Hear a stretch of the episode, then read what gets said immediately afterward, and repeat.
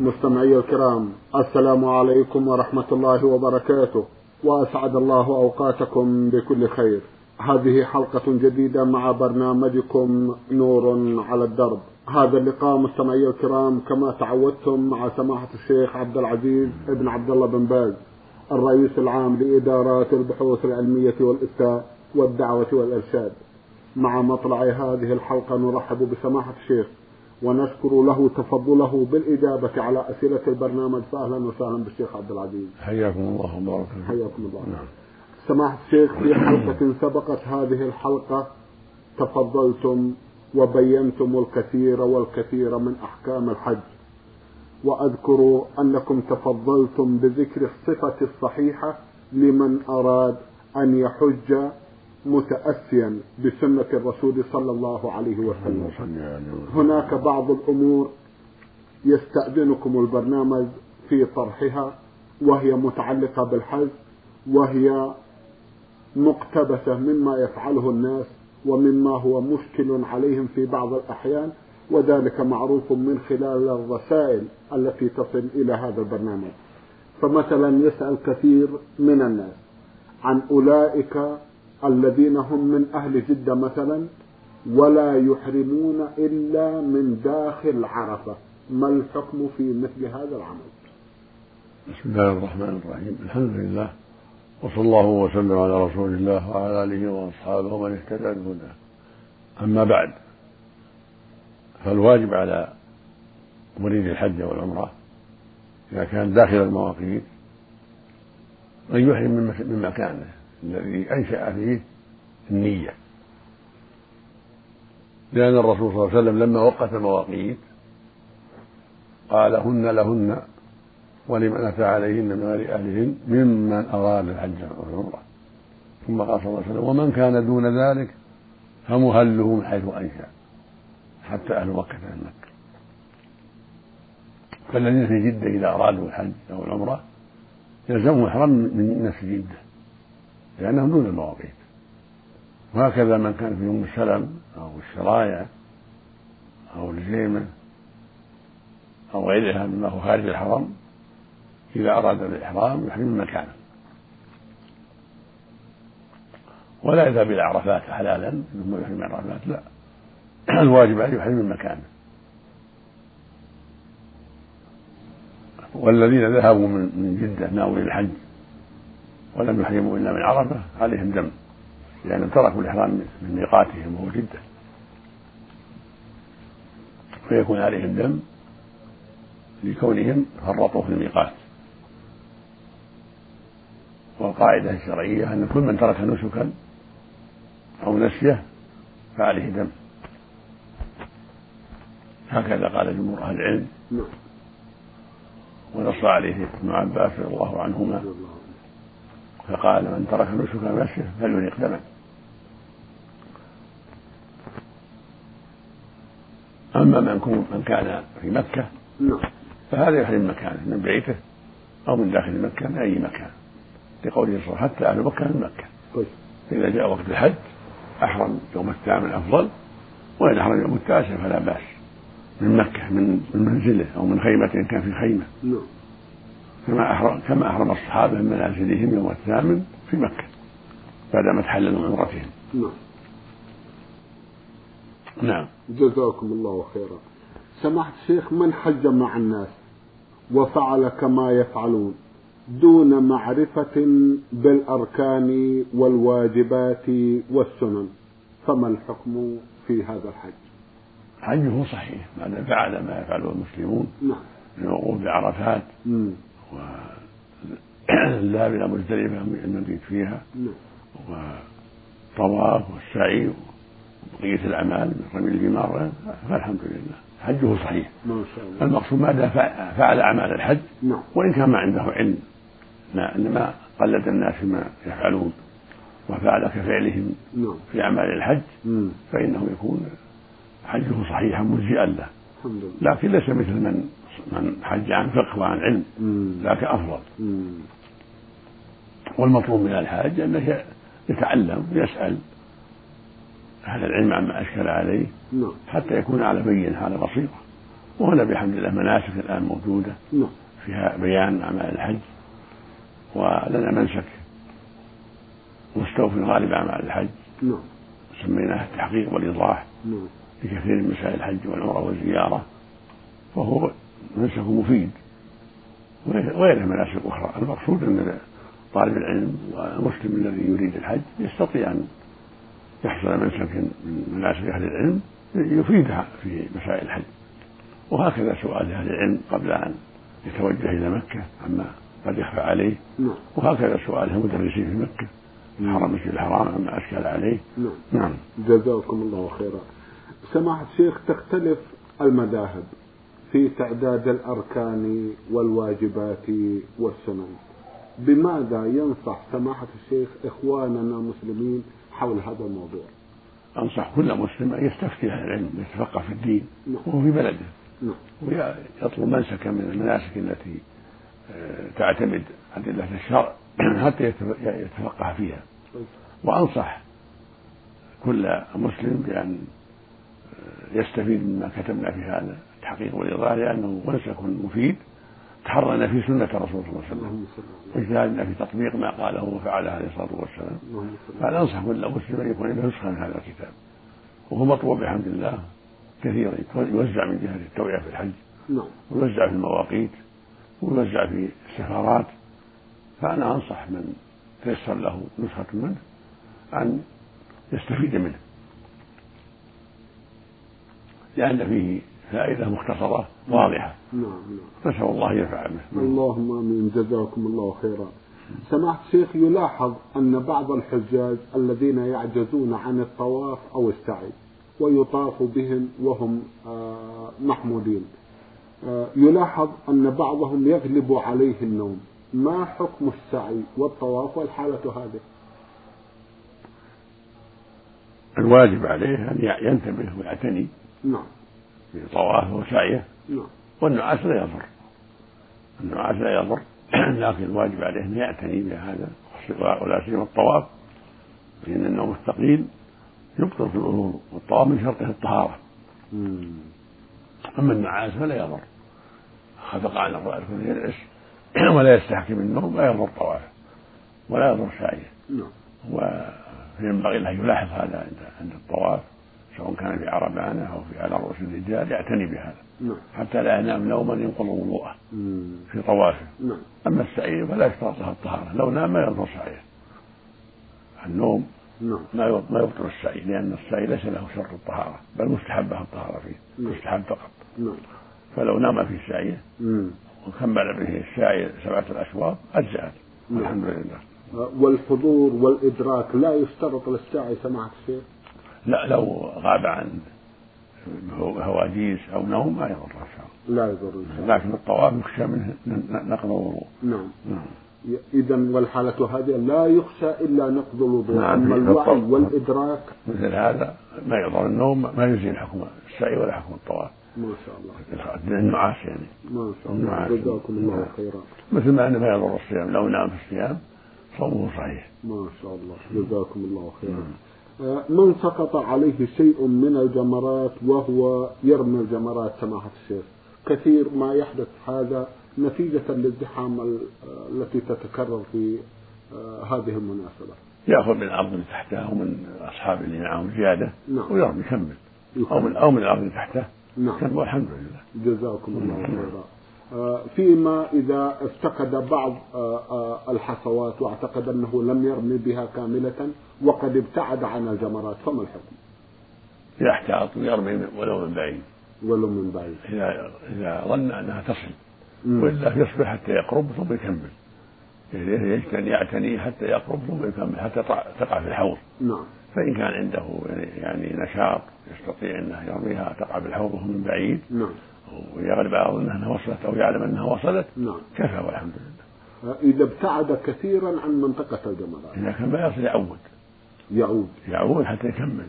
حتى ولو في اليوم التالي. نعم. حتى ولو في اليوم التالي. اليوم التالي يعيدها برمتها يعيدها برمة يعيدها إذا كان الحصى كثير. أما إذا كانت اثنتين أو واحدة فيعفى عنها إن شاء الله. جزاكم الله يعفى خيرا. عن واحدة واثنتين جزاكم الله خيرا. فإن الصحابة رضي الله عنهم وأرضاهم لما رجعوا من حجهم كان يتحدث بعضهم رميت هذا يقول رميت خمسا وهذا يقول رميت ستا فلم يعب بعضهم على بعض. ما شاء الله. فنقص واحدة أو اثنتين يعفى عنه إن شاء الله. لكن ينبغي المؤمن يحتاط جزاكم ويكمل السبع ولا يتعجل. نعم جزاكم الله خيرا. لأن الرسول رمى سبعا وقال خذوا عني ما اللهم صل عليه اللهم صل عليه نعم. آه، سماحة الشيخ يصل عدد الحجاج إلى ما يقرب من مليون ونصف أو مليونين. وهنا آه، يزدحمون كثيرا عند الجمرات. وللنساء أحكام خاصة بهن آه، حبذا لو تفضلتم ببيانها في هذا المقام. المرأة القوية ترمي بنفسها ونستعين بالله. أما إذا كانت عاجزة مريضة أو كبيرة السن أو لديها أطفال توكل من يرمي عنها. والحمد لله. فإن كان حصل لحام شديد تقوى معه على الرمي وكلت أيضا من يرمي عنها. ولكن ينبغي أن يعلم أن الوقت فيه ساعة. ولا بأس يرمي في الليل. ما شاء الله. من الزوال إلى طلوع الفجر. كله رمي. ما شاء الله. بعد الزوال يوم الحادي عشر نعم. مع ليلة اثنا عشرة نعم. كلها رمي. وهكذا ليلة اثنا عشرة كلها رمي. فمن رمى بعد الزوال فالحمد لله ولا يرمي بعد غروب الشمس أو في أثناء الليل قبل طلوع الفجر عن اليوم الذي غابت شمسه اليوم الذاهب نعم. لأن بعض الناس قد يتيسر له الرمي بين الزوال وبين الغروب بسبب الزحام ولا سيما النساء. فإذا أجلوا رميهم إلى بعد المغرب أو بعد العشاء هذا لا بأس به على الصحيح. وهكذا رمي يوم العيد. نعم. لو فات يوم العيد ورمى في ليلة الأحد عشر قبل قبل قبل الفجر أجزى على الصحيح. ما شاء الله. إلا اليوم الأخير مم. يوم الثالث عشر هذا لابد أن يكون قبل الزوال قبل الغروب.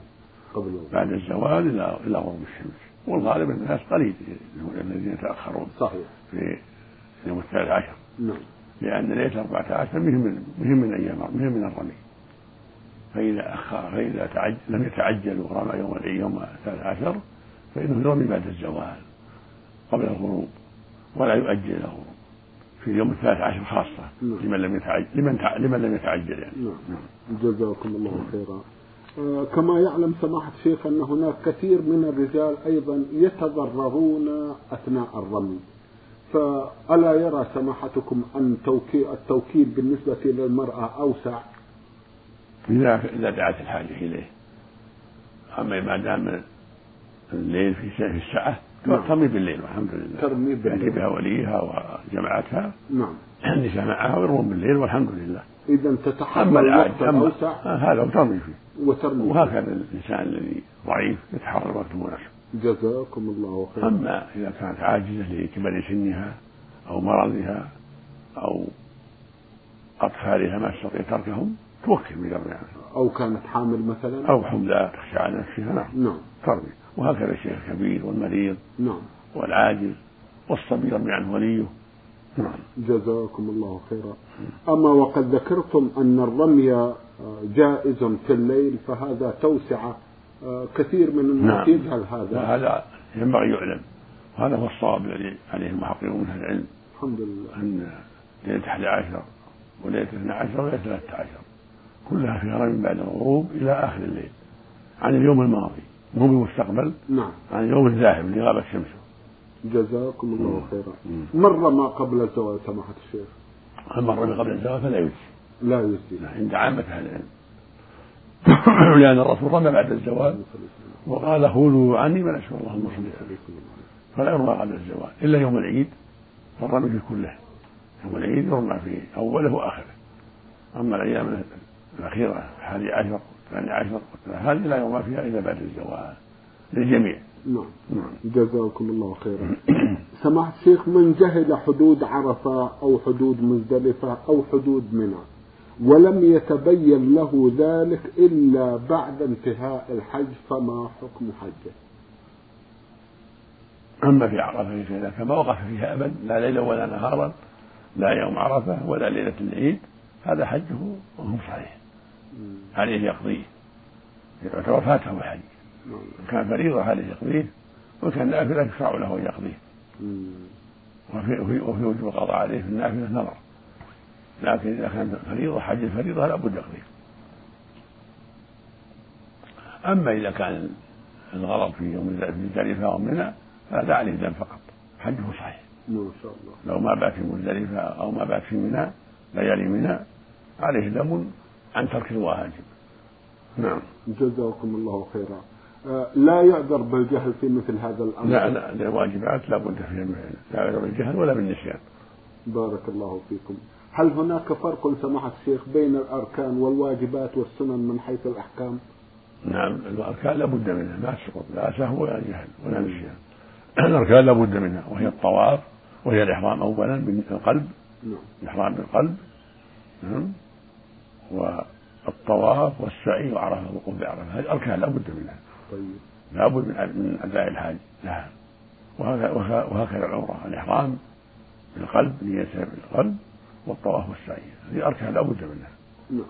أما الواجبات إذا سقط منها شيء يجبر بالدم مثل الحلق أو التقصير مثل بيت مزدلفة في منى مثل طواف الوداع مثل رمي الجمار. هذه تجبر بالدم إذا ترك واحدا منها؟ فعليه دم. نعم. وينجب الحج والحمد لله. جزاكم الله خيرا. إذا امتلأت عرفة أو مزدلفة أو منى امتلأت بالناس ولم يجد الحاج مكانا في هذه الحدود فما الحكم؟ أما في منى يسقط عنه المبيت فيها إذا ما وجد مكان في منى يسقط عنه. وأما في مزدلفة ففي إمكانه لأنه يمكن أن يأتي في آخر الليل. ويجزي إذا مر بها في آخر الليل. ولو مرورا فهو إذا ما ما تيسر مكان يجزئه لكن. الغالب المزدلفة ما هو يبقون فيها الناس كثير. الغالب أنه يجد مكان. طيب. لكن إذا ما وجد مكان يمر بها مرور وحسب طاقته ويجزئه ذلك. هذا يكون أدى الواجب. وهكذا عرفة. إذا دخلها بعد الزوال وبقي فيها الغروب أجزأه ذلك. وهذا هو الموقف المشروع هذا الموقف الشرعي. نعم. وإن عجز عن ذلك أتاها بالليل ولو لحظة في الليل. نعم. وهو محرم قبل طلوع الفجر ليلة العيد ويكفي ولو قليل. ولو قليل. آه، إذا وقت عرفة آه، يعتبر الوقت الزمني واسع. واسع نعم. ما شاء الله. ولو قليل ولو لحظة. ولو لحظة. نعم. جزاكم الله خيرا. لكن من وقف قبل الغروب لابد يكمل الغروب فإذا صرف قبل الغروب يكون عليه دم جزاكم الله خيرا. آه، من عزم على الحج لابد أن لسماحة الشيخ من توجيه حول هذا الموضوع. بما تنصحون من يعزم على الحج جزاكم الله خيرا. إذا عزم على الحج شرع له أن يعتني بهذا الأمر ويستعد له. قضاء الدين من هناك دين حال يقضيه. نعم. كان حقوق عليه يؤديها. يعد نفقة لأهله حتى يرجع إليهم إن كان هناك بينه وبين أهل شحناء يجتهد في حل الشحناء وعدم التهاجر بغير حق. يعد الذهاب بمناسب الزاد المناسب والحاجات المناسبة له في سفره في مكة. ويبادر بالتوبة النصوح من ذنوبه وسيئاته. كل هذه ينبغي لها إعدادها قبل السفر. حتى إذا سافر إذا هو قد خف عن الحمل عند الديون تحلل من إخوانه وبينهم وبينهم شيء. قد أحضر لأهل ما يكفيهم واستعد لسفره ما يكفي. نعم. تاب من المعاصي وأقلع من المعاصي وتاب إلى الله منها. جزاكم الله خيرا. من حج وهو مدين ما حكم حج سماحة الشيخ؟ حجه صحيح والحمد لله. ما شاء الله. لكن إذا استطاع يوفي الدين يبادر بالدين. فإن كان لا يستطيع أن يوفي الدين لأنه مؤجل. أو لأنه يحتاج إلى وقت. لا بأس يحج ثم يؤدي الدين بعد ذلك. أما إذا كان لا ما عنده وفاء فإنه يصرف نفقة الحج في الدين أولى يبدأ بالدين حق المخلوقين مقدم ما يكون مستطيع إلا إذا أدى حق المخلوقين. لكن لو كان عنده مال وعنده حاجات يوفي منها لكن ما يتسع الوقت. يبدأ في الحج ثم يوفي بعد الحمد لله. جزاكم الله وحجه صحيح والحمد لله. الحمد لله. من حج ولم يتزوج بعد؟ فلا حرج الحمد لله. الحمد لله. لكن إذا عاد الحاجة للزواج تشتد الحاجة للزواج يبدأ بالزواج لحفظ دينه. فإن كان عنده ما عنده خطر ولا مبالاة لو حج قبل ذلك يبدل الحج. أما إذا كان لا عنده شهوة يريد الحج ومتيسر الحج يريد الزواج ومتيسر الزواج يبادر بالزواج. لعفاف نفسه. ولأن هذه من الأمور الضرورية التي يجب عليه البدار بها. فإن كان لم يتيسر الزواج حج والحمد لله إذا كان مستطيعا جزاكم الله خيرا. القادم للحج في مهمة رسمية. يريد أن يحج أيضا. بما تنصحون؟ جزاكم الله خيرا. إذا كان عمله لا يمنعه الحج مأذون له في الحج؟ لله يحج أما إذا كان ممنوع لا يحج. يبدأ بمهمة رسمية ولا يحج. إذا كان مندوب لحاجة لولي الأمر أو مستأجر لحاجة يأتي بها قبل الحج يعني يؤدي الأمانة اللي عليه. يبادر بأداء الحاجة التي كلف بها. أما إذا كان الأمر فيه سعة والمنتدب له لا لا لا لا يأبى عليه أن يبقى ويكمل ويحج لا بأس. لكن يعلم هذا من المنتدب له سواء كان ولي الأمر أو غيره نعم. يعلم أنه يسمح له بذلك فلا بأس. وإلا فليبادر بالحج بالحاجة قبل الحج. جزاكم ولا يؤخر حاجة الناس. جزاكم الله خيرا. كيف يقضي الحاج وقته في كل من عرفة ومزدلفة ومنى؟ يقضي في ذكر الله وطاعة الله والدعاء. في عرفات يرفع يديه يدعو في مزدلفة يرفع يديه يدعو يكثر من الدعاء وذكر الله عز وجل كما فعله النبي صلى الله عليه وسلم. اللهم صل عليه. وفي منى يكثر من التلبية والدعاء حتى تكون الأوقات معمورة في الخير. جزاكم الله خيرا. آه، سماحة الشيخ يأتي آه، بعض الحجاج ولا سيما في الأزمنة الأخيرة هداهم الله وفي أذهانهم أفكار معينة. بما تنصحون الحجاج القادمين إلى الأراضي المقدسة من حيث خلو الذهن مما يخرج عن إطار الحج كعبادة. أنصح الجميع بأن يجتهد في سماع دروس المسجد الحرام والمسجد النبوي حتى يستفيد وحتى يعرف أحكام عقيدته وأحكام الإسلامية. فأنا أنصحه كثيرا أن يجتهد في حضور حلقات العلم في المسجد الحرام والمسجد النبوي. وليستفيد من ذلك باللغة التي يفهمها وأن يقتني الكتب الطيبة التي توزع من التوعية في الحج حتى يستفيد منها ويسأل أهل العلم عما أشكل عليه لأن قد لا يتيسر له العودة إلى الحج بعد ذلك. ينبغي له أن تنتهز الفرصة في سؤال أهل العلم عما أشكل عليه ولا سيما عن العقيدة التي خلق لها وأمره الله بها. فإن في كثير من البلدان من في كثير من البلدان من يدعو إلى خلاف العقيدة الشرعية الإسلامية فالحاج إذا قدم هذه البلاد وهي مهبط الوحي ومهد الإسلام ينبغي له يسأل المدرسين فيها عن ما أشكل عليه والحكومة وفقها الله. قد جلدت علماء من أهل السنة والجماعة يدرسوا في المسجد الحرام والمسجد النبوي ويفتون الناس ويعلمونهم فينبغي للحاج يستغل هذه الفرصة وأن يسأل ويحضر حلقات العلم ويستفيد. ولا سيما معرفة العقيدة الصحيحة وهي توحيد الله والإخلاص له وترك عبادة ما سواه. فإن في بعض البلدان من يدعو القبور ويستغيث بأهل القبور وينثر لهم ويذبح لهم هذا شرك أكبر نعوذ بالله. فينبغي للحاج يتعلم ويستفيد. كذلك بعض في بعض البلدان من يطوف على القبور أو يجلس عندها للدعاء والقراءة وهذا لا يجوز. الطواف بالقبور من الشرك الأكبر إذا طاف يتقرب إلى أهلها كما لو دعاهم واستغاث بهم ونذر لهم. والدعاء عندها والجلوس عندها للدعاء وقراءة الصلاة عندها بدعة. إنما يسلم عليهم ويدعو لهم وينصرف. كان النبي صلى الله عليه وسلم يعلم أصحابه. إذا زاروا القبور أن يقولوا السلام عليكم أهل الديار من المؤمنين والمسلمين وإنا إن شاء الله بكم لاحقون.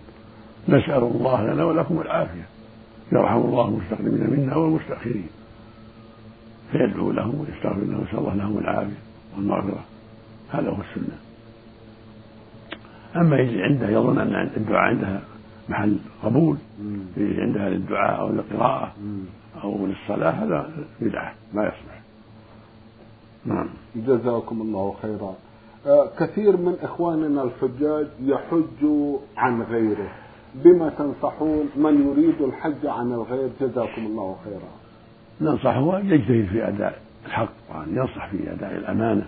نعم. يحج عن غيره كما يحج عن نفسه. على الطريقة التي حج عليها رسول الله صلى الله عليه وسلم يتبع السنة ويجتهد في أداء الحق الواجب. حتى يؤدي الحج على وجه شرعي لأنها أمانة في حقه فالواجب عليه يجتهد حتى يحج كما حج النبي صلى الله عليه وسلم عن الذي استنابه في الحج والعمرة ويحرص على براءة ذمته من جميع أعمال الحج. نعم. جزاكم الله خيرا. هل يجوز أن يحج الإنسان عن أكثر من شخص مرة واحدة؟ لا الحج عن واحد فقط. لا يحج عن شخصين. كل واحد له حجه الحالة وعمره الحالة. نعم. لا يجمع شخصين في عمرة وفي حج ولكن الحج عن واحد والعمرة عن واحد. نعم. جزاكم الله خيرا. من حج عن آخر هل هناك شروط معينة تتفضلون بذكرها قبل أن ينتهي هذا اللقاء؟ لا أعلم شروط إلا أن يكون المحجوج عنه مسلم والحج مسلم. فإن كان المحجوج عنه لا يصلي ما يحج عنه لأن الصلاة عمود الإسلام من تركها كفر على الصحيح. ولو أقر بوجوبها طيب. ولا والحاج لابد يكون مسلم يصلي لابد يعطي النيابة يجتهد حتى يتحرى أن الحاج طيب في دينه مسلم يصلي حتى تكون حجته على الوجه الشرعي نعم وإذا تيسر يكون من أهل التقوى والإيمان ممن لا يعرف المعصية يكون هذا أكمل وأحسن نعم, نعم. بالنسبة آه، للنائب هل يشترط أن يكون حج عن نفسه مثلا؟ إيه، لا بد يكون حج عن نفسه. ما ينوب عن غيره حتى يكون حج عن نفسه. جزاكم الله خيرا. الحج عن المتوفى هل له أحكام تتفضلون بذكرها؟ مثل الحج عن الحي. مثل الحج عن الحي تمام الحج عن الميت مثل الحج عن الحي. نعم. يكمل الحج عنه بالنية. بالنية عن الميت. سواء فعل نافلة أو فريضة. جزاكم الله خيرا. سماحة الشيخ في ختام هذا اللقاء أتوجه لكم بالشكر الجزيل بعد شكر الله سبحانه وتعالى على تفضلكم بإجابة أسئلة البرنامج. ونرجو أن يتكرر اللقاء وأنتم في صحة وعافية. نسأل الله ذلك اللهم مستمعي الكرام كان لقاؤنا في هذه الحلقة وكما تعودتم مع سماحة الشيخ عبد العزيز ابن عبد الله بن باز الرئيس العام لإدارات البحوث العلمية والإفتاء والدعوة والإرشاد. شكرا لسماحته. وأنتم يا مستمعي الكرام شكرا لحسن متابعتكم. وإلى الملتقى وسلام الله عليكم ورحمته وبركاته.